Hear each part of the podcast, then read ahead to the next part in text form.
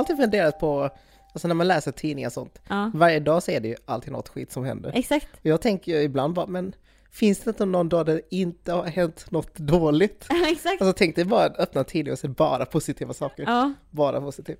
men Men, känner... eh, jag men- tror inte det har hänt någon gång. Nej men Alltså, exakt, men hur känner, hur känner du? För jag tänker när du postar grejer på Instagram, Mm, alltså på, för du, vi pratar ju om det ofta typ att du, du känner ju bara, ja men jag måste posta, jag måste liksom lägga upp inlägg för att Mm. det ska hålla ett flow liksom.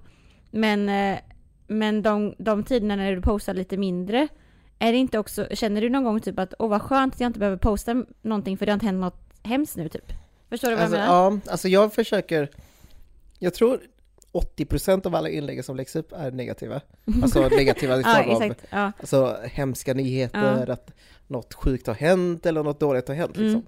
För att det är ju typ det som jag vill exponera. Mm. Det finns ju inget att exponera något gott liksom. Alltså, alltså att ta fram ett företag, ja men det här är jätteduktigt företag som Ja. har gjort allt i sin makt att vara the good guy liksom. Ja, ja, ja. Visst, det kanske är bra att veta, men det är ingenting som behövs exponera på så sätt. Nej. Eh, Men, eh, så jag tror att 80% eller 90% till och med är sådana här inlägg. Mm. Eh, Och när jag inte har något att skriva så tror jag det främst det beror på att jag inte har typ kollat på nyheterna. Mm. Det har ja. inte så mycket att göra med att det har inte hänt Nej, någonting exakt. i hela världen liksom. Utan vill jag aktiv så kan man gå in på eh, alltså övre inkorgen. Exakt. Då är det skitmycket meddelanden från är folk. Bara, folk. men kan du uppmärksamma det här som hänt i det här landet eller Ja. i den här staden och sånt. Så, så Okej. det är lite synd, men ja. Det är en bra, men det är en bra reminder att tänka på då att när du, när du inte postar då handlar det mer snarare om att det kanske inte att den tiden har varit snarare än att det inte händer grejer. Mm, oftast är det ju helger som jag inte orkar uppdatera Nej, exakt. någonting. Så jag bara låter det vara. Och sen Mm. på måndagen så kollar jag meddelanden så har jag missat jättemycket som har hänt bara, under "Ja." helgen. Jag bara fan! det var back to work. För, jag, för du frågade ju nu nyligen när vi sågs att, eh, att jag inte hänger så mycket på mitt privata konto. Exakt. Och där händer ju mycket, alltså speciellt i stories där Mm. folk är snabba med att uppdatera saker och ting. Mm. Jag missar ju allt sånt där. Det är Så det, det är därför när du skick- bara... Det är därför när du skickar någonting, det var, har du sett det här? Jag bara, nej faktiskt inte. Så det är från någonting som vi båda följer liksom. Ja. Ja, för på Tänkvärt följer du ju ingen. nej, Det är exakt. bara... Mm. Du upplever ju aldrig hur det är när... Typ, om, när jag, okej, så när jag följer dig, Mm. tänkvärt, eller tänkvärt liksom, då, då får jag, alltså du, du får ju aldrig uppleva den upplevelsen av att se dina inlägg, eller någon annan stor Mm. posta så mycket, fattar du vad jag menar? Mm. För jag, jag tror inte, för att, att Nej, alltså jag har ingen aning. nej men precis, du, följ, du har inte någon stor andra? som du följer som du bara, ah, nu, som ger dig den faktan, utan det du kollar liksom nyheterna. Ja, jag, jag lever i egen bubbla tror jag. Alltså det, Exakt! det är ganska sjukt för att ibland går jag in på min privata för att dels kommentera under tänkvärt inlägg, för Mm. jag vill att det ska komma från tänkvärt-kontot. Mm. Eh, ja, men för att då syns det inte lika mycket typ. Ibland vill Mm. jag bara kommentera för att argumentera mot folk. Eh, och då ser jag liksom inlägg i flödet och ser Mm. lite stories och Ja. sånt. Så det är, Det är så den informationen når dig liksom. ja, exakt. Men alltså när man följer alltså, ditt Instagramkonto, det är verkligen alltså så... Det ger en så mycket fakta, alltså det ger en så mycket info. Det är jättemånga gånger när jag ser nyheter och jag ser det Mm. först när du har lagt upp det. Okej.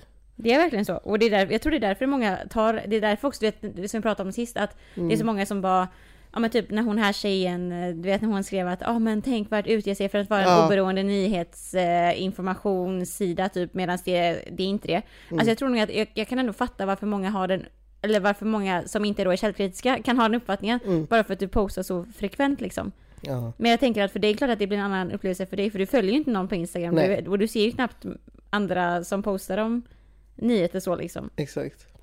Sjukt Ja, egentligen. det är fan intressant faktiskt. Du, håller, du, är, du, är en Insta, du är en jätte... Äh, vet du, det, du använder Instagram skit, skitmycket för du postar mycket. Ja. Men du är liksom inte en konsument av det själv egentligen. Nej, jag jag är mer av en kreatör än konsument tror jag. Mm. Så Just sjukt det. egentligen, du har hållit dig undan hela... Bubblan. ja exakt. Men det är bra att du uppdaterar. Så om du ser någonting där många pratar om, du Ja, får exakt. jättegärna skriva till mig. Ja men jag gör ju alltid det. Men vet du, jag vet. Ibland tänker man ju bara, men är klart han vet om det här Mm. för att alla skriver om det. Men nej.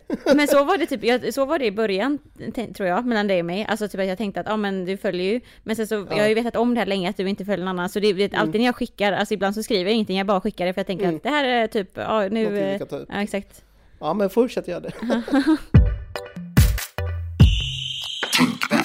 Right, men vad har du gjort eh, sen vi såg senast? Ja, sen vi såg senast, för vi såg, det var inte länge sedan vi sågs. Nej, vi såg eh, denna vecka faktiskt. Vi har hängt jättemycket, Ja! för vi har varit i... I Stockholm! Woo! Huvudstaden. El Capital. Och eh, gjort lite hemliga ärenden som vi inte kan gå Mm. in på just nu. Men vi tänker att vi kan prata om det i nästa avsnitt. Ja, för då kommer det kunna gå att prata om. Ja, nu låter vi jättekryptiska, men, eh, men ja, det, det är en kul grej som har hänt. Mm. Jättekul grej och det är tack vare er följare. Vi, säger, vi, säger, vi lämnar där i Vi lämnar det där. Men vi kan prata om, men sen vi sågs, nu idag är det söndag. Eh, Du och jag skildes åt i torsdags i Stockholm. Mm. Då vinkade vi av det där, jag och Karo min kompis, vinkade av det där på Ja. perrongen. Men vad, vad har du gjort sen vet du, du kom hem? Har du haft en bra helg?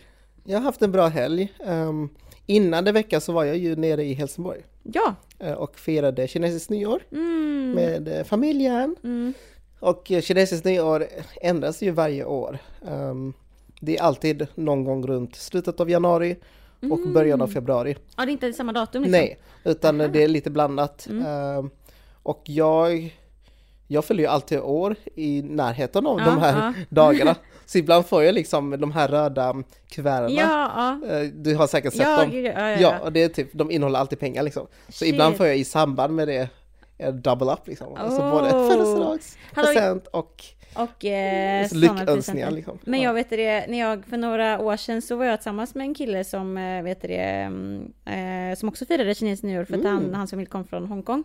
Och jag lärde mig så mycket om liksom så här, den kulturen och små alltså så här, saker man gör. Ja. Och en grej, jag vet inte, nu, nu pratar jag ju bara, jag, jag har inte lärt mig det här utan det var Nej. bara vad jag var med om. Men att, är det inte en väldigt sån åldershierarki? När det kommer till eh, de här kuverterna typ, för att jag, Jo, det är det. så var det den, i hans familj, då var det så här, de äldsta gav alltid mest typ. Och det var typ, om vi var ute och åt på restaurang, Ja. alltså jag var alltid yngst för att han var äldre än mig. Mm. Så att jag fick, alltså så att jag skulle betala, det kom aldrig på kartan, bara Nej. för den här Ja, åldersranken exakt. typ. Ja, men det, det är sant, åldershierarki men också familjestatus. Mm. Alltså, de som ger kuvert är de som har en familj. Mm. Eh, De, eh, ja men då menar jag mer som att eh, de är gift med en person och sen har de barn. Ah, Det är en okej, familj, ja, liksom. Och inte vara singel då, eller ogift. Ja exakt, inte singel. Och inte familj som att jag är ett barn i en familj. Det räknas inte som familj. Nej, utan man måste ha, ja jag fattar. Ja, så det räcker att du har en partner och gift, då är du en familj. Då är det liksom, ja. Och då ska du ge eh, kuverter under de här dagarna till eh, alltså släktingar, de som inte har egna barn. Mm. Som lyckönskningar och sen den som tar emot får liksom eh, eh, säga tack och sen ge lyckönskningar till de som ger Ja. liksom eh, kuverten. Och sen innehåller det pengar i det. Ehm, och eh, ofta så brukar vi fira genom att åka till ett tempel. I, Ja, det är fint. äh, alltså i Helsingborg? Mm, det finns en i Bjuv. Mm. Eh, och där brukar det vara liksom eh, lite drakdans, jättemycket mat, allting är vegetariskt. Ah. Ja, oh. ja, för det är ju i många Ja, exakt. Det är munk, munk, munkar som eh, äter vegetariskt. Eh, Så folk eh, tar med sig mat som de har eh, lagat själva och sen Mm. finns det även de som säljer liksom eh, mat där. Fy fan vad mysigt. Eh, Så tar man med frukter och sen eh, eh, donerar man det till eh, antingen till munkarna eller lägger det framför liksom olika altare och sånt. Mm. Alltså, vi har ju inte gud inom buddhismen Nej. utan det är ju mer att man ber till olika, vad, ska, vad kan man säga? Alltså, det är ju inte gudar riktigt men Nej. det är olika personer som Karaktärer. har olika, ja med olika ja, krafter typ. Ja, Alltså det är kanske en, funktioner typ. ja men exakt, en, eh, en person som kanske bara ger massa lyckönskningar eller en person som ger eh, mycket fortune och pengar och allt sånt Ah. där liksom. Så då får man liksom tända rökelse och så får man eh, be om något gott inför året liksom. Mm, ja, men jag, minns, jag minns under de eh, vet du, de gångerna jag var med och firade kinesiskt nyår, det var så kul för man, de här röda kuverten, de, man hade Mm. dem överallt, det var så, man bara fick kuvert Ja, hit och dit och bara, jag hade dem liggandes överallt typ Mm. och bara... Det är så skit, eh, nice. Ja, shit. Och så där, där i templet fick man också, det fanns, de hängde på sådana eh, små träd typ. Mm, mm, Eh, och sen eh, får man antingen en krona och det symboliserar liksom pengar. mm. Även om det inte är pengar, pengar så liksom. Eller så innehåller de typ eh, ett litet eh, fint halsband liksom. Mhm. Så när vi var små så ville vi verkligen ha halsbandet för en krona var ju ingenting för oss. Vi bara, vad fan, en krona? Fast egentligen symboliserar det liksom, ja men här får du mycket pengar liksom. Ja. Eh, och så vet jag att vi fuskade när vi var små, Nej. typ jag och brorsan. vi fuskade göra att man kan känna på kuvertet innan man Jaha, tar innan en. man tar det. Så då kunde vi känna om det var ett mynt eller ett, Ett halsband. halsband, oh och vi ville ju ha halsbandet bara för att det var något annat Men- kul ja, grej exakt. än eh, en liten krona liksom. Och ofta inte era föräldrar bara blev avsura på ni Eller hade de upptäckt så hade de nog varit sura liksom för att det där är verkligen no no. No, no, nej. Utan du ska bara ta ett och sen har du tur så får du liksom. Så får man. Så det, det är lite kul. Ja. Ja, vet du vilket, eh, vad heter det, sån eh, zodiac symbol det är? Eh, Alltså, är, är vi- Kinesisk. Ki- nej, ingen aning. Inte. Vad är du? Är vi samma? För vi är samma år? Vi är samma Oh faktiskt. my god! Vad är så vi? till skillnad från västerländska så är det ju, man räknar ju per år. Just det, och inte per månad liksom Exakt. i året. Och då är det 12 år istället för 12 månader. Mm. Eh, Jaha, så det, går, det är ändå... Varför? Okej, ja. Ja, i cykel liksom. Ja. Så 1993 är en tupp, en rooster. Ja, så vi är rooster. Vi är roosters. Roosters. Och sen 94 är en hund. Mm. 95 är en gris. och 96 är en råtta tror jag. Shit. Det Eh, kan. Ja, jag kan för att min lillebror är en gris. 95 och jag minns, att. Jag minns att när jag var liten och när vi bråkade så använde jag alltid det mot Alltså, honom. Du sa det, Det var vad, så taskigt. vadå, vad sa du då? Typ, är gris. Nej, men så, alltså typ bara för att jävlas med varandra Ja. när man är sur liksom, då säger man ja men du är en gris liksom. så han, han hatar ju verkligen det när han blir kallad för gris. Mm. Ehm, men efter det så är det typ uh, råtta och sen oxe. Och nu är det faktiskt också oxe detta året, Mhm. 2021. Så det har gått Så har det gått runt 12, nu. 12 Men vadå, 24. ha, ha, på- samma sätt som den här västerländska alltså, modellen av Mm. horoskop, eller stjärntecken, eller vad det heter. eh, Har man så egenskaper? Har, Ja, vad, vad, oh God, vad har vi för egenskap? vi, jag har faktiskt kollat upp det lite eh, och det står Alltså jag typ att... älskar ju sånt här. Alltså alla mina, kom, alltså alla mina vänner, vet jag skickar alltid såna här, fast då är det utifrån de västerländska då, såna här, ta, för jag är oxe i, Mm. eh, här. Alltså sådana memes om sig själv som är så här bara, typ följer, alltså jag följer så många konton som är så här. Oh Taurus eh, vibes, Taurus girl, Taurus ah, du är en Taurus. Ja. Jag är Aquarius. Aquarius. Det är så jävla coolt för det känns som en superhjälte typ. Exakt, det låter som det. Aquarius. Uh, nej men eh, Roosters, Mm. det står om just detta året då. Your career and financial luck are very smooth. As long as you work hard, you will get a good deal. Mm. Due to good interpersonal relationships and high emotional intelligence, roosters will meet many rich and noble people. Aj, aj, And aj. these parties are set to bring wealth to roosters in the year of 2021. Hej! Så det är mycket Mm. bra framför oss då Danny. Så det verkar som att eh, det är mycket fokus på karriär och eh, pengar och Mm, sånt. mm, men vi håller ju på, alltså jag tycker Ja. ändå vi köttar på bra med podden så att... Kanske. Eh, hej hej! Så det, det är faktiskt lite kul. Eh, jag tror ju inte på sånt här. Det vet du ja, ju. exakt, jag var... I'm not even surprised. Exakt. Eh, men det är lite kul för att eh, många östasiater, även om det kallas för kinesiskt nyår så firas det ju även av vietnameser. Mm, Jag är mm, ju, vår, vår släkt är ju vietnameser, mm, men jag vet inte riktigt varför det kallas för kinesiskt nyår. nej. Men det, det är i alla fall många östasiater som firar Ja. det här nyåret. Ehm, men eh, det finns vissa typ um, stjärntecken som innebär typ otur. Och så vissa innebär tur. Nej men gud vad jobbigt! Vi, vi har inget av det i alla fall. Oh, jag blir, jag, Det är skithemskt, oh jag my, Danny, vet. vet du hur rädd jag blev nu? Jag är jättevidskeplig av mig, jag bara om jag Ja. har otur jag kommer vara så... Nej, men typ drakar har tur. Aha. Det är jätte, jättemånga vill vara drakar Ja, liksom. det är därför det finns många som heter, eh, filmer sånt som heter Year the Dragon. eller så Ja, här exakt. Typ, det, är- det är jätte sånt. eh, Min syrra är till exempel drake. Mm, Hon är född 88. mm. Så det finns till och med folk som planerar att födas Oh under god. sånt visst år bara för att få Bara en för att få- liksom. Och sen finns det um, goats, Mm. alltså getter typ. Mm. De är otur. Nej. Det är skitsynd. Fy fan stackars dem. Det är så här som man bara, om man tror på det så är man så, ja jag kommer otur. Ja, jag vet och det går liksom rykten om att de är oftast följare och inte ledare till exempel. Eh, Och även om det finns folk som inte tror på sånt här Ja. så påverkar ju deras liv. För att Ja. det finns andra som Alla, tänker på... och se på dem. Ja, exakt. Fy fan vad det, jobbigt. det är Fan skithemskt med vilket stigma typ att bo så här i ett land, ett östasiatiskt land där, det, är- där folk, tänk man jobbar på en arbetsplats typ där Ja. många, där ledningen typ tror på de grejerna. Och bara, Definitivt, det är tror jag många get, typ. tror på sådana här stjärntecken och sånt. fy fan. Eh, Och det är nog därför lite jag är emot sånt här för att jag tycker inte det finns någon vetenskaplig alltså, koppling. till- Det fin- alltså jag tänker att de flesta som Nej, det tänk- tror på sånt vet ja. ju att det inte finns någon Exakt. Det vetenskaplig är mer liksom. spirituellt. Andligt, precis. Mm. Eh, och jag är ju en väldigt logisk person av mig. Så, Så att, eh, jag, jag är ganska svårt för det för att jag ser fler nackdelar typ. Mm. Eh, För att jag vet att mina föräldrar och syskon och släkt och sånt, de är väldigt sånt superstitious av sig. Som är det. Du vet att, Och du är ja men västerländska har ju de här, ja men gå inte under Eh, Steget typ. steg och- och, ja. se inte en svart katt och sånt där. Men i asiatiska, östasiatiska länder så Ja. finns det jättemånga hemska saker. Ja men jag vet, ja. Ehm, Gud, jag minns en gång, och jag minns verkligen, på tal om det där, för att det var. Alltså, eh, ja men mitt ex, hans föräldrar var också väldigt så vidskepliga. mm, Och jag kommer ihåg att eh, de var hemma, detta var när jag bodde i Norge, och då, Mm. bodde, då var de hemma hos mig där jag bodde en gång och tittade. För jag bodde i ett kollektiv, och då minns jag att jag hade, du vet när man tvättar kläder, eller tvättar, jag hade, vi hade typ ingen torktumlare, så jag hade Ja. hängt upp lakan, mm. alltså så här på tork, så här, på dörrar, Ja. typ sånt där. Och då hade jag vita lakan. ja, det var jätte... Ja, nej, alltså hans morsa bara så här. hon blev typ rädd, hon bara, eller inte rädd, men hon var så... Hon Det här är spöken och det här, allt, Exakt, för det betyder typ död eller något sånt där. Att ha det. Så jag bara, och jag tror ju på sånt själv, så jag bara nej! Ja, men det är sant! och det typ alltså, ligger lite, även fall inte jag på något sätt har någon koppling till den här kulturen Ja. eller religionen. Varje gång jag tvättar nu och det har det hängt upp, jag bara, kanske jag ska ta ner det. Ja, nej shit.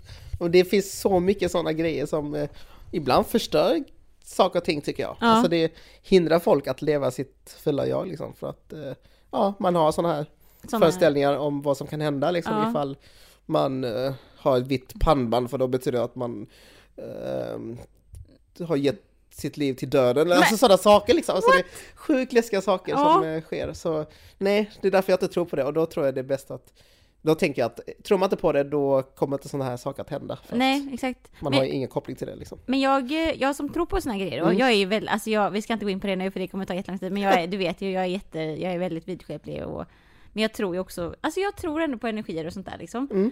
Och, och det är en tack, och jag har jättemycket respekt för sånt där också. Alltså Ja. jag, jag, så, jag tycker verkligen det är så här, man ska inte mess with, the, with bad energies, Nej, alltså det är verkligen så. Men och i och med att jag ändå, jag, är dock, jag är inte insatt, jag har inte alls grottat ner mig i det här Nej. communityt, för det finns ju verkligen folk som är jätte Gud ja. ja.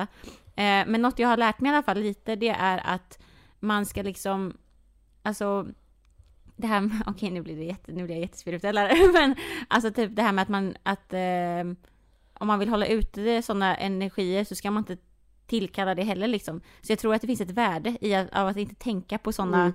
onda, så här, Mm. dåliga andar och sånt där. För då kan man, så att det är ändå lite likt där. Att om man, som du sa, att om man inte tror på det, Mm. då kommer det inte hända till en. På samma sätt som att, okej, om man, om man så aktivt väljer att, nej men jag vill inte tänka i sådana banor, då stänger man ute det på något sätt.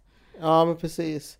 Man har någon, men ja, det här, nu, det här, jag vet, det här Ja kommer men inte... alltså jag, även om jag inte tror på det så hade jag ju aldrig liksom eh, utsatt mig till risker för eh, alltså typ negativ energi. Mm. Till exempel att ta fram en ouija board och börja sitta Nej och, oh, eller stå framför spegeln och, Och bara- säga några saker tre gånger eller något sånt. Alltså jag hade inte gjort det bara för att Du har ändå respekt för att, Ja, Det men samtidigt jag sätt- tänker bara alltså det finns ingen mening, även om jag inte tror på det så behöver jag inte utsätta mig för nej exakt. För det ena utesluter inte det andra. För att Exakt, även om jag inte ja. tror på, låt oss säga Gud eller andar och sånt, så Mm. jag kan ju aldrig bevisa att de inte finns. Mm. Alltså, men det- det går ju nej, inte. Det- precis. Det, Men det där, tror jag är väldigt, det där tycker jag är en väldigt nice eh, förhållning, eller förhållningssätt till det. mm, För att jag tycker också att många som är så här, som, ja, men som är helt så, äh, vad heter det, ateister och inte tror på något, något, något. Många är ju verkligen så bara, nej men eh, de har inte ens den inställningen som du har. Att det ena Mm. utesluter inte det andra. De är så här bara, det finns inte typ. precis. Och det, jag tycker också det är lite så här, det är lite typ ignorant för bara, det är så jävla många människor i världen som faktiskt tror på Ja. de här grejerna typ. Så att det där är nice. Mm. Att, Jag, eh, jag, ja. Även om jag inte tror på sånt här så tror jag ändå det finns kanske någonting beyond, Mm. liksom, eh, än det vi ser. För att det Exakt. finns mycket som vi inte kan förklara. Nej, precis.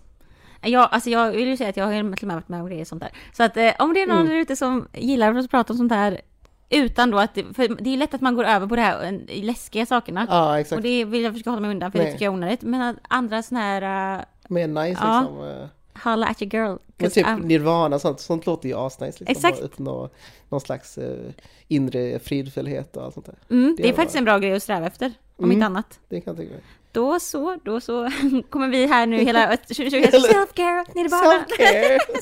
Exakt, men karma är typ någonting jag vill tro på. Ja, För jag tycker det är bra. mm, Eh, att göra något bra för andra så kommer det påverka, liksom, alltså du kommer få det tillbaka. mm, Och det tror jag att har man den inställningen så kommer det ske ändå. mm. För att, Ja, eh, men alltså, alltså, även ja. om du inte tror på det så kommer det ändå alltså det blir någon slags, Kedjereaktion typ. ja exakt, det är det jag tänker. Så just karma tycker jag är en väldigt bra grej jag tänker på. Mm. Och sen också reinkarnation är också en, en nice grej, för då ger det ändå lite hopp om att man inte bara försvinner helt när man dör. Mm, exakt. Och att typ det man gör nu faktiskt kommer ha någon större mening som kommer leva vidare. Mm.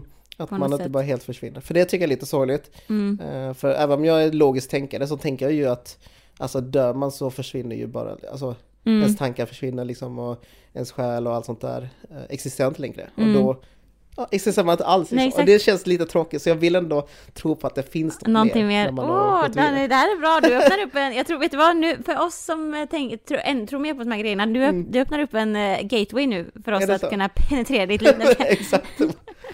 Så ja, men jag är öppen för det. Eh, Ja. Så vi får se. Du kan ta med lite kristaller nästa gång. Okej, jag gör det. Jag ska ta med min Sage. Jag har faktiskt en sån hemma som jag går runt och spelar ibland med. Mm.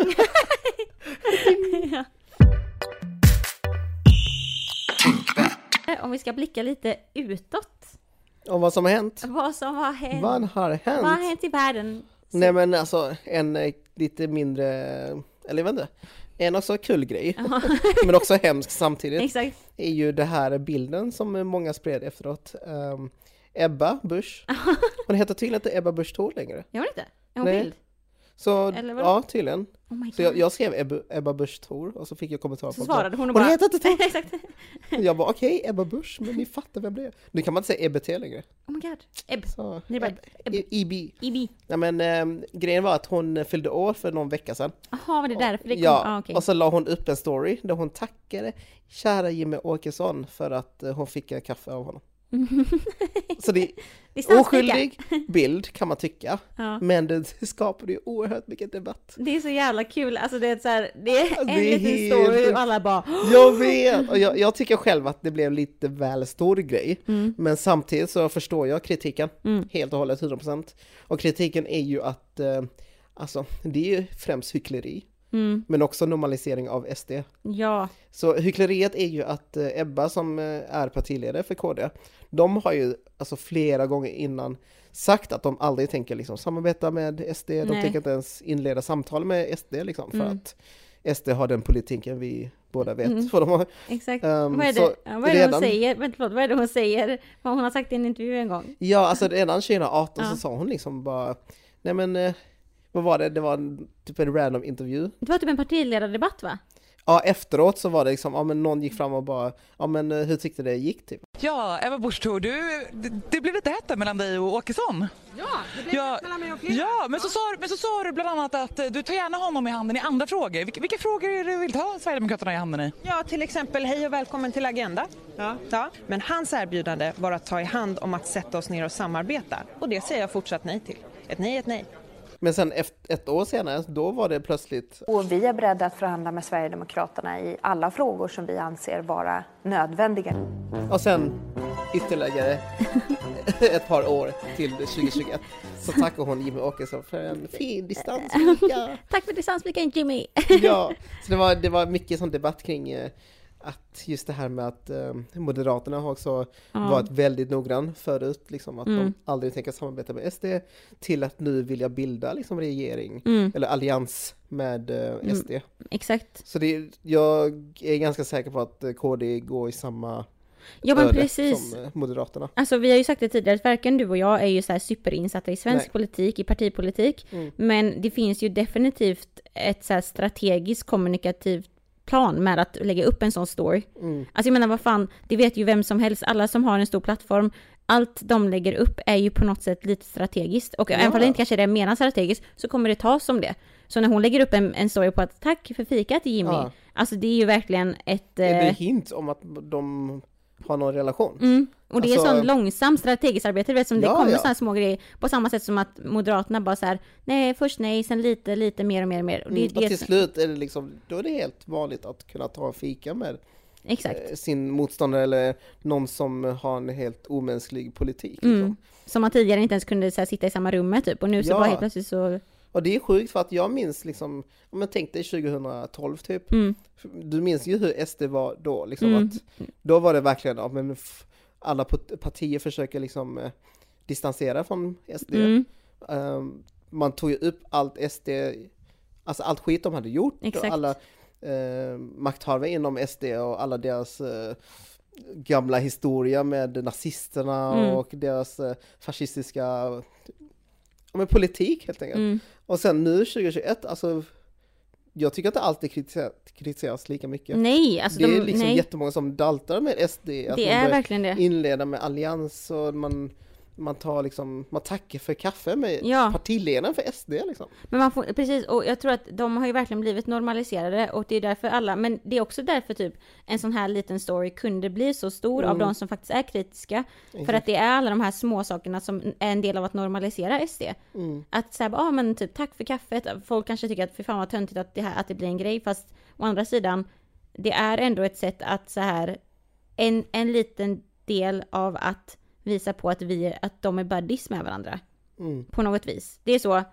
Och jag menar, vi får inte glömma, SD är fortfarande ett parti som är, alltså i deras, vet du, exempelvis jag, jag eh, är i min um, sko, alltså i min eh, utbildning just nu så håller vi på med ett eh, Ja men vi håller på att granska typ så här styrdokument typ och på vilket sätt man kan se att det finns vissa olika undertoner och sånt där. Mm. Av liksom både rasism eller sexism eller så. Och jag menar, jag kollade på SDs, eh, på deras eh, så här, eh, sektion om jämlikhet. Då, de har ju så olika förslag, typ bara våra Mm. förslag. Alltså SD har fortfarande än idag ett förslag om att man vill införa en 24 års åldersgräns för giftermål med utländska medborgare. För att det finns då ett antagande om att Mm. Om du, Mm. att om du, alltså det är så sjukt, det är riktat på flera olika sätt. Å ena sidan är det så här bara, ah, kvinnor, och detta är väldigt riktat till, till kvinnor, för det är Mm. inom jämställdhetsmålen typ. Då är det så här bara, aha, kvinnor är inte smarta nog att ta ett eh, beslut när man är Mm. 18, ehm, därför måste vi höja den till 24. Men också att genom att gifta sig med en utländsk medborgare så kommer det vara kvinnoförtryckande typ. Alltså fattar du vad sjukt? Ja, exakt. Alltså det är helt, alltså jag menar bara att, Ja. och det, det är sådana grejer man ofta glömmer, typ när SD normaliseras, då är det så här bara, ah, eh, parti, de är lite hårda kring krokarna men de, de, de tar upp saker som folk inte vågar göra tidigare. Mm. Men, glöm, men alltså så här, gå in och kolla vad det står, alltså Ja. de är ju helt, de är ju fortfarande helt sjuka i huvudet. Mm. Även om Alltså, de jag- normaliseras. Inför förra valet så satt jag faktiskt och sammanfattade all, samtliga partiers Mm. olika typ, eh, ja men politik när det kommer till jämställdhet, när det kommer till miljö, Mhm. när det kommer Just det, till alla dina sådana. Ja men massa annat liksom och där var det så tydligt att SD har någon slags monopol på just migrationspolitiken. Mm. Att många tänker liksom, ja men eh, jag håller med SD om migration. Och då röstar man på SD och så skiter man helt i deras resterande politik. Exakt. Men kollar man på mina sammanfattningar så är deras liksom miljöpolitik skit, Ja, deras ja, skolpolitik är skit, deras, eh, ja men alltså liksom allt annat är verkligen, man får gå igenom deras partiprogram och Exakt. faktiskt kolla igenom vad de vill. vad de vill. Och så det som många har delat nu, det som bland annat Attila har delat nu, Ja. alltså det som Jimmy hade uttalat, han sa om att, eh, att, eh, in, att migrationen vi har just nu, Mm. det är en så kulturell belastning. Ja just det. Ja, vad fan menar de med det? Alltså, Vad fan är det? Alltså det är, så, det är så polariserande att säga så att det är helt sjukt. ja!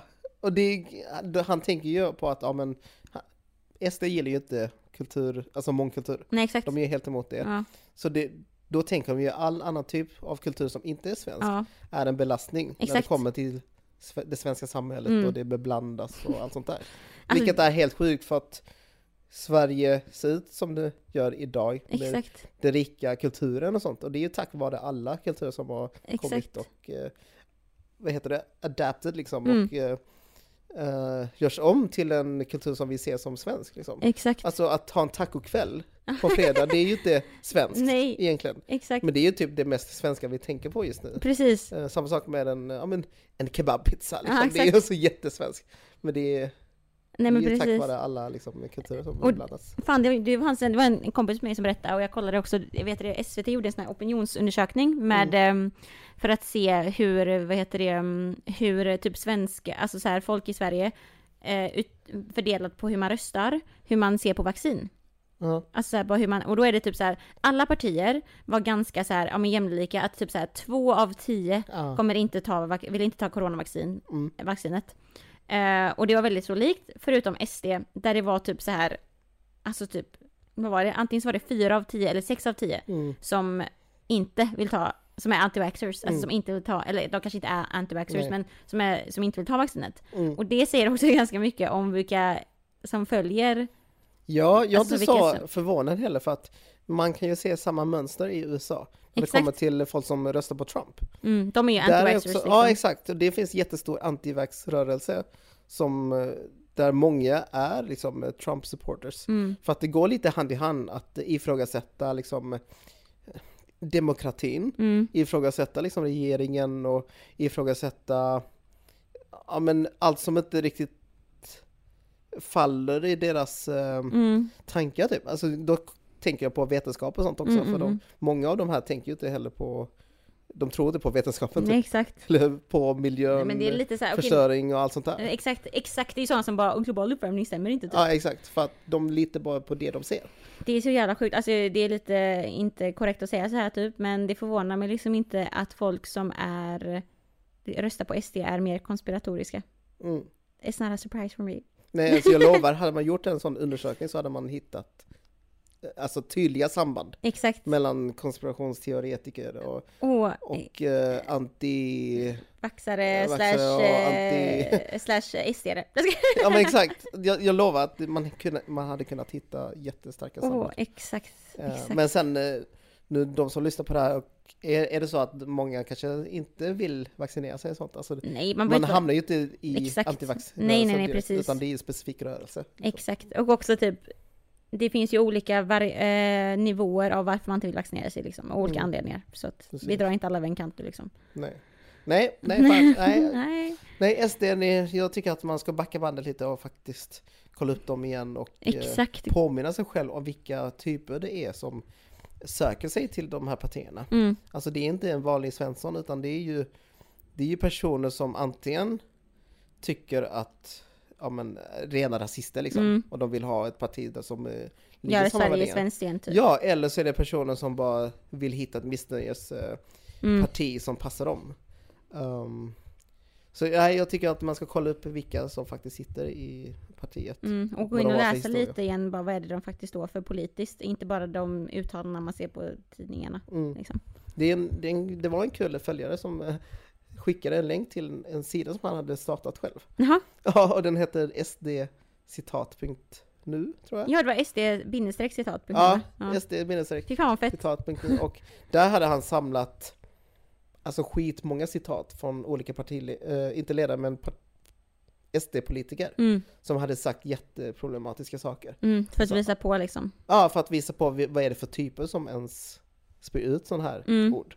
Och det var liksom en SD-politiker som sa eh, om det här bilen som körde in i en folkmassa i en demonstration, Just det. att eh, jag personligen skulle ha gasat på. Men alltså, Och sen var det någon annan som sa typ att Black Lives Matter demonstranter är som apor. herregud. Och, eh, alltså det var Ja. sjukt ras- rasistiska saker liksom, som man, Exakt. som man nu idag liksom tänker, ja men eh, det var bara en individ. Mm, Men när man kollar på helheten så handlar detta om 500 olika citat från exakt. 500, 500 olika personer. Shit vad bra att, man, att han har gjort den hemsidan, det blir så Mm. statistiskt. Om man, så här, om man återigen glömmer, för SD håller på att normaliseras väldigt mycket. Ja, Men och det, finns källor på alla uttalanden, så det är bara att göra. Och det tänker jag är också, också väldigt likt det som händer i USA liksom, med Mm. Trump-supportrar och vilka sjuka saker de säger hela Mm. tiden. Eh, och visst, man kan tänka att det är bara en individ som säger sånt här, men kollar man helheten så Exakt. ser man att det finns ett... Sammanhang. Ja. Vad mer har hänt? Vad mer har hänt? Alltså någonting som är väldigt, eh, något som du har skrivit på två inlägg om, Mm. både så här vid separata tillfällen, men något som också verkligen är så på tapeten i många mediehus just nu. Mm. Det är ju eh, alltså frågan om det här med internationella adoptioner. Mm.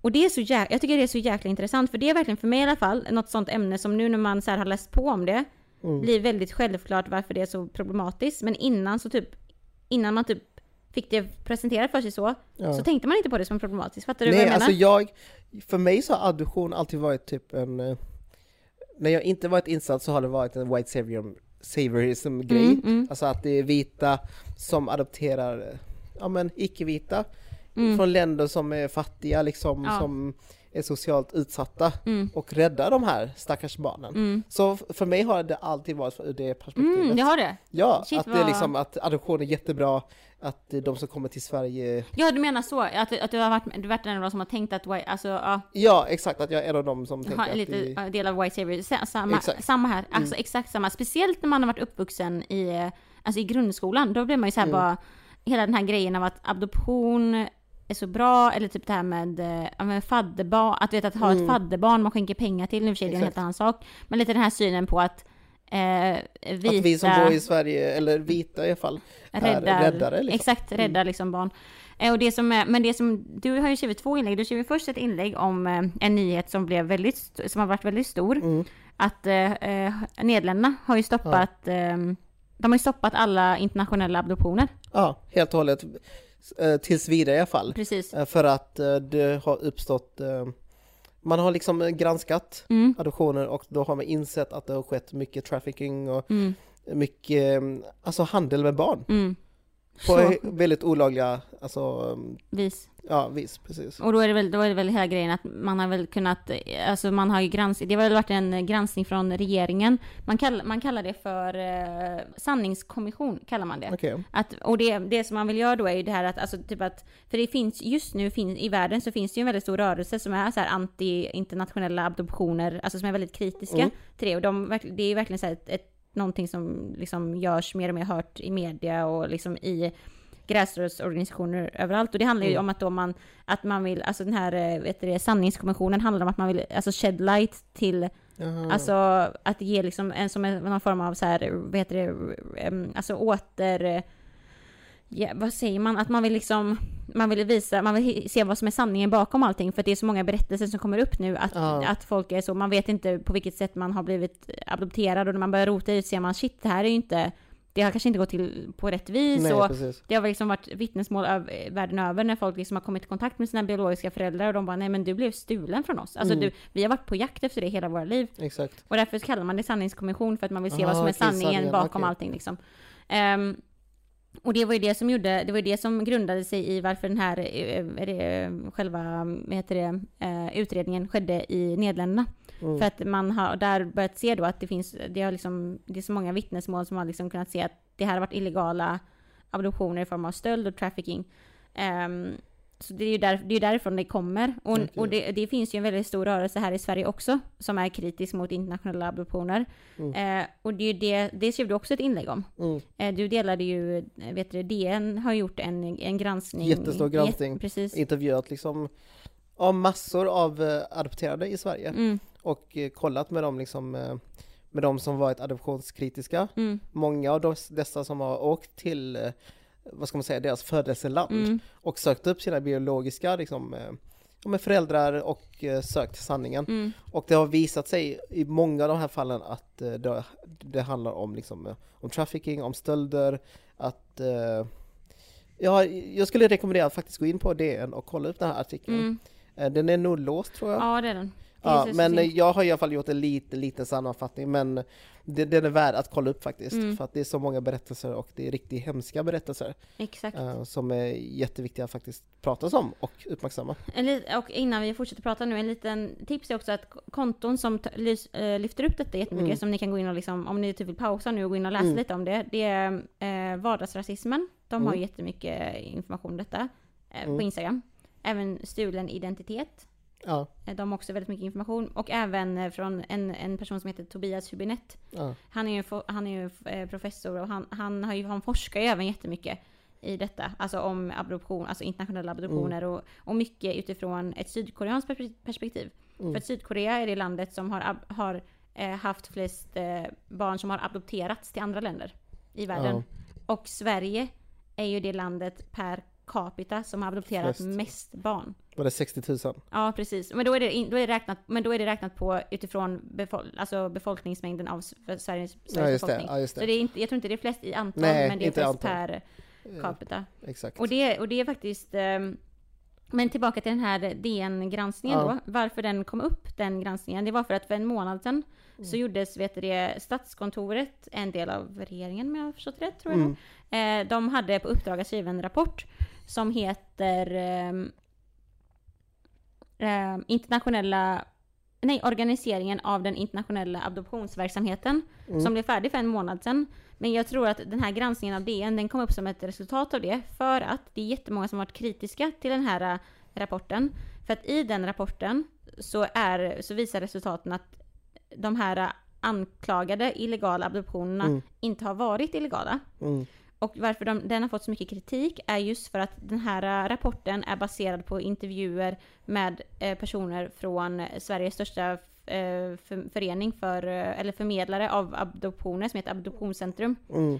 Och det som de här kritikerna menar då är att Adoptionscentrum i sig är en korrupt Ja, eh, att de är verksamhet. en del av hela den Precis, verksamheten så att där, trafficking. precis och, där, och därför nu har ju den här DN-granskningen kommit upp för att Ja. då visa på att nej, men, intervjuerna med de här personerna säger att det, det, vi har liksom haft egna Precis. Var det inte så att Adoptionscentrum också, eh, att det var så få personer som de faktiskt... Ja, det var ju fyra stycken typ. Ja, exakt, fyra personer och samtliga var liksom positiv med deras Mm. adoption. Och det är klart det finns jättemånga där ute som alltså, trivs jättebra i Sverige. Mm. Eh, Att de eh, bor i en familj som är liksom, som är, de är trygga med och allt sånt där. Mm. Och det är ju inte alls det som kritiseras. Exakt. Det som kritiseras är att från innan personen kom till Sverige, man vill ju veta processen, Mm.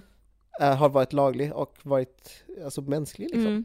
och det är det det inte varit. Så det är jätteviktigt att eh, personer som menar att eh, adoptionskritiska, de inte är tacksamma eller att de Mm. eh, på något sätt vill smutsa ner liksom, adoptionernas Ja men processen. Ja, Liksom.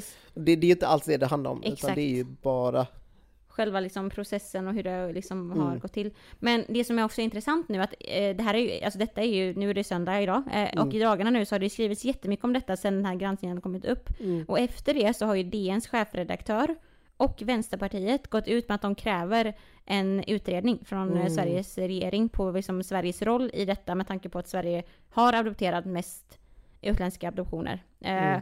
och också, och då, återigen då har ju de som är kritiska då också sagt att varför har inte fler gått ut och bett om att Sverige ska göra en, eh, alltså ska göra en utredning.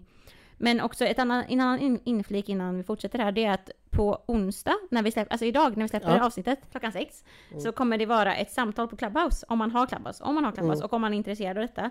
Där eh, Tobias Hübinette, han som är en väldigt stark person, eller stark röst inom detta, Mm. tillsammans med eh, riksledamot från Vänsterpartiet, kommer ha ett samtal Oh, om detta. Alltså om eh, Sveriges, alltså uppföljningen på DNs granskning och, varför, och att man ska göra en ehm, eh, alltså att, vi, att man kräver att Sverige ska göra en utredning på det. Gud vad spännande. Ja, så att om ni lyssnar på det här avsnittet idag innan klockan Ja. sex och, och ni har Clubhouse, gå in och lyssna på det. För att det, är- jag tror jag kommer göra det. Ja, det definitivt, det ska jag säga. Ja, Fan vad intressant. Eh, det, på tal om Clubhouse, jag tror också det det är lite synd för att det är ju inte möjligt för alla. nej, det är jättesynd. vi vet ju själva att till exempel folk med Android-telefoner får inte tillgång till Nej. Clubhouse. Och sen måste man också få inbjudan om man har en iPhone. Mm. Eh, Så det är jättesynd för att jag tänker att det borde man också kritisera lite. Ja, det är väldigt jag- elitistiskt. ja, det är väldigt det. Att det är elitistiskt och att det, det har också lite med klassförakt att göra Mm. tror jag. Just att eh, iPhone är ju en mobil som... eh, det är ju en ganska dyr mobil. Ja. Och det är ju... Jag tycker Android-mobiler, det finns alltid billigare variant Mm. än iPhones. Mm. Och det kan man också prata jättemycket om. Exakt. Eh, Så det har jag också fått mycket meddelanden av om sig? Ja. faktiskt. Eh, Folk som bara liksom ville bolla med mig för att de vet att jag använder Clubhouse. Mm. Eh, Men folk som också skriver att ja, men det finns andra stora organisationer som Alltså typ Black Lives Matter Mm. Sverige liksom, som också använder Clubhouse och de tyckte att det var lite orättvist att de exkluderas. Mm. Att de också vill vara med och lyssna liksom, Mm. och ta, ta tillgång till den information som finns. Men att de inte riktigt eh, kunnat göra det på Nej. grund av... Nej, precis. Så vi vet, det är, och det är ju så. Vi vet ju om att det är det, men... eh, Mm. Men... eh, Ja, alltså jag menar visst, de här samtalen hade kunnat ske på Instagram live också. Nu är det bara att det har varit en Mm. väldigt smidig app typ. App, ja. Men om det är någon som vill höra av sig, alltså jag menar man får ju typ invites, så länge man typ håller på att följa folk så får man ju Mm. nya invites hela tiden. Så skriv, alltså jag, vi alla, vi får ju, så fort man börjar följa folk så får man ju nya invites. ja, så och vi har ju eh, liksom, om det är så att man är det någonting så kan ni också skriva till oss så kan vi förklara vad som Exakt vad som har sagts. sagt, sagt och sånt så slipper Precis. den informationen försvinna. Mm. För det Men, ja, men, men eh, tillbaka till eh, adoptions, ehm, alltså med den här, vad heter Mm. det, granskningen. Alltså det finns verkligen um, någon, någonting som också är himla intressant, som i alla fall jag har verkligen fått nu, ju mer man har liksom dykt sig in i det här, när man tänker på hela adoptions, internationella adoptionsarbetet. Eh, det finns ju jättemycket också, alltså så här, forskning på detta. Mm. Som är kritisk också, som har varit kritiska länge. Alltså om det här med internationella adoptioner, speciellt eller det är många forskare som, och också många forskare inom typ det antirasistiska eh, fältet, som verkligen menar på att internationella adoptioner, det är typ ett sätt att kvarhålla de koloniala eh, relationerna Mm. mellan eh, men typ västerländska länder Mm. och icke-västerländska länder. För att om man tittar på det historiskt, ur en historisk kontext, alltså det internationella adoptionsarbetet, det började ju typ så här i mitten på fem, alltså 1900-talet, efter andra världskriget, typ samtidigt som det globala biståndsarbetet började. Ja. Och jag menar, visst att det är ju någon, för att jag menar, det, biståndsarbete och sånt där mellan väst och andra länder, alltså ett sätt, det var ju ett sätt att liksom, ja men då hjälpa länder som har blivit självständiga efter kolonialtiden att liksom kunna få ekonomisk hjälp och att man Mm. adopterade eh, liksom barn som hade det sämre i andra länder för att komma till västlandet där det fanns mer pengar och så vidare och så vidare. Men det finns ju de som verkligen då menar på att detta är ju ett sätt att här, hålla kvar relationerna av att alla länder som inte är västerländska fortfarande är i, liksom, i beroende till Mm. eh, västerländska länder. Och i underläge. liksom. Och i underläge och att typ så här, att det liksom spädde på den här bilden av den här white saviorism, alltså så här, den vita, typ man pratar och med om så här, den vita moden typ. För Ja. att man så här, adopterar in så många eh, barn från eh, Mm. icke-västerländska länder. Ehm, och vad som är väldigt så här, unikt för Sveriges fall, om man också tittar hi- historiskt, det är typ att Mm. ehm, liksom med tanke på att Sverige har adopterat så många eh, icke-västerländska barn så har det varit en del av att späda på den här eh, nationella självbilden av Sverige som så antirasistiskt. Mm. Att det har varit som att, ja men eftersom att vi adopterar så många barn från icke-västerländska länder, därför så kan vi vara det mest eh, antirasistiska landet i världen. Mm. Och så att man, har- det är som att man har så här, försöker köpa på sig någon så här skuld på att ja, men nu gör vi detta och där, därför, har man behållit den här bilden. Och det har ju också, det har också, det är jättemånga forskare som menar på att Sverige har gjort det. Man lever typ att nej men vi är inte rasistiska Nej. här för att vi har adopterat så många barn Mm. och sånt där. Och det, och det är så jäkla intressant när man tittar på det på den historiska kontexten. Också för att vad, om man börjar analysera bara vad är det som har varit eh, intentionen med att, eh, att, liksom, att sätta andra länder en, en, alltså i beroendeställning. Det finns ju hur mycket forskning som helst på det här liksom, och många kri- kritiker som är liksom så och teoretiker som, är liksom, som menar på att liksom den koloniala relationerna, är kolonialtiden är över men de koloniala relationerna är fortfarande jättelevande. Mm. Eh, och Tobias Hübinette han skriver skitmycket intressanta saker eh, om detta. Han har skrivit avhandlingar om så här, Sydkoreas adoptionsrelationer med Sverige. Så att det är jätte, alltså jag har verkligen så här bara wow, shit vad det också är en, eh, vet du det, ekonom, det här med att det finns en ekonomisk process, för det kostar Ja. ju att adoptera.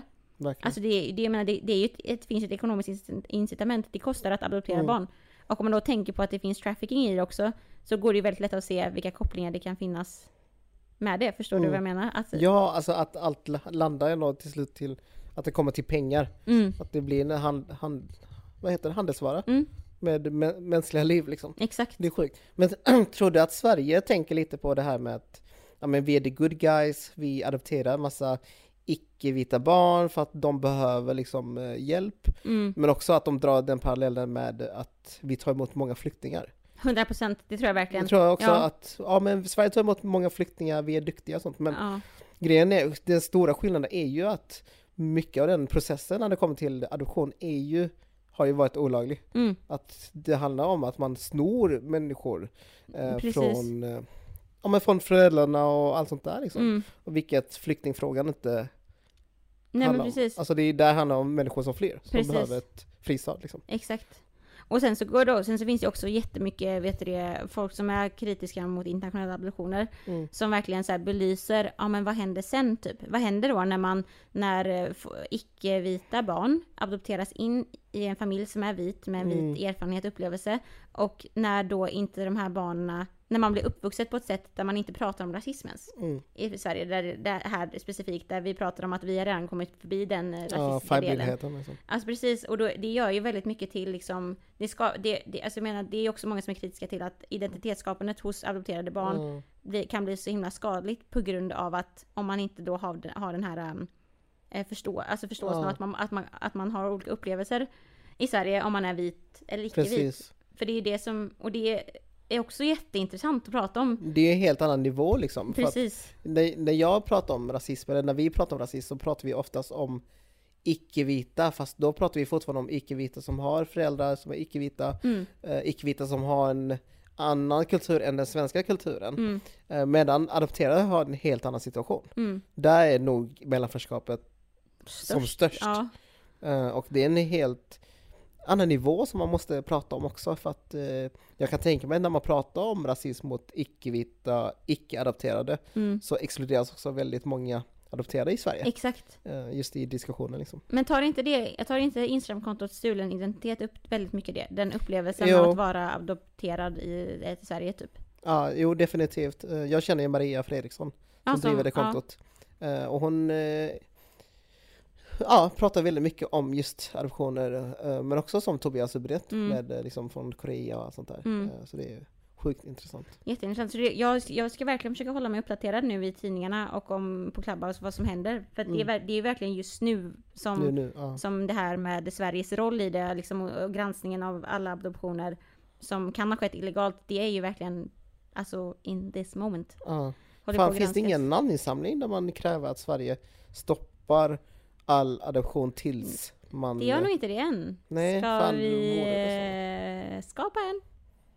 kanske. Kanske. Kanske. Du är ändå expert Ja, på namninsamlingar. Eller hur? Fan, borde snacka med Tobias och eh, Paula som driver Ja. vardagsrasismen och alla de som är aktivister. Vi kanske kan få lite, men vi lyssnar på, vi, om vi, ja vi ser om vi kan få vidare detta på något Ja. sätt, för det är jätteintressant. Och om det är någon som, liksom, för jag vet att det är många som, jag har sett i kommentarsfälten efter DN, också på det du delade, Mm. att det är jättemånga som bara, jag är adopterad, hur kan jag ta reda på Ja, mer? exakt. Och jag kan tänka mig att det verkligen väcker, alltså om man inte har, alltså så här, det här har inte varit, alltså okej om man är adopterad så har man ju säkert haft de här tankarna Så, med sig hela ja. livet, men i stora mediehus har inte det här varit på tapeten så mycket, så Nej. jag kan tänka mig att det är säkert många som är väldigt förvirrade just nu. Mm. Ehm, men kolla in identitet, för där är det ett jättestort diskussionsforum om det i alla Ja. fall.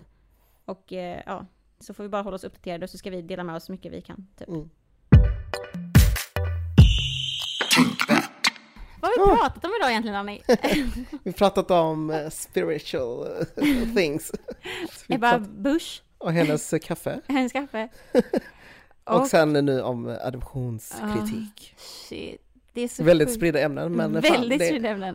Det är det som är intressant tycker jag när vi har de här avsnitten. Jag vet. Att det behöver inte vara en, alltså ett specifikt ämne liksom Nej. som vi bara sitter och pratar om utan det kan vara lite spretigt och man får se vad det leder. Vi tänkte ah, inte på att vi skulle prata om, eh, Nej men det är liksom den här, kom, allt det vi gjorde i början eller? ja exakt, Det bara tog sin egen eh, spinning. turn. Men alltså det, jag måste bara säga att en sak jag vill bara säga att det är så himla nice för att jag tycker att det är för mig, det är så jäkla givande att inte bara typ att vi har en podd, men alltså de här samtalen som du och jag har. Mm. Alltså de här samtalen som vi har när vi spelar in, de, de får en att bara så här, de är så givande i sig bara. Alltså det är så bra att vi har en podd så att vi kan ha de här Ja, samtalen, för det är faktiskt. så här, man börjar prata om det grejer är inte som- ofta man pratar om det, eller visst man kan sitta och fika och prata om sådana saker Ja men, men det kanske inte kommer lika naturligt typ. exakt. För nu tvingas vi ändå in att, eh, ja men prata om hur vi mår, Mm, men också prata om vad vi gjort. Exakt. Så då blir det liksom att vi tar upp de här sakerna. Ja, så det är skitnice också de här tankarna, alltså argumenten, alltså hur analyserna som man gör om Ebba- Busch Thor och SD och Mm. adoption, liksom det är verkligen... eh, Det är ju ständig utveckling. Liksom. Exakt. Ständig utveckling. Ständig utveckling! Tack för att ni lyssnar så att, ni, så att vi gör det här. Ja, tack så mycket! Och sen också tack för alla nya patreons. Ja, Alltså vi har fått så många och eh, vi har sagt att vi ska shoutouta alla namnen. ja, Och det kanske vi borde göra nu. kanske. Har du skrivit ner dem? Jag har eh, inte skrivit ner dem, men jag har en hel lista på Patreon. Ja, men vi gör det nu. Kan vi inte lägga någon bakgrundsmusik när vi gör det så här bara... Da, da, da, Exakt. da, da, da. Uff, den rocklåten. Vi tar den. Men vi har i alla fall eh, Elin, Woo! vi har eh, Evelina, Hej! Nira, Hej! Sofie, Woo! Sara, Hej! Justin, Woo! Tobias, Hej! Shanna, Woo! Madeleine! Niklas, Jenny, Marie, Hanna, Per, Therese, Ebba och Atefe. Jag ber om ursäkt ifall jag uttalar namnen fel, men eh, ja, det var många nya. Tack för att ni hjälper oss hörni. Ja, tack så jättemycket. Är guld. Och glöm, glöm inte heller att gå med i Facebookgruppen Ja, Tänkvärt med Danny och Ina. Yes, vi säger så. Hörs vi om Ha det två veckor.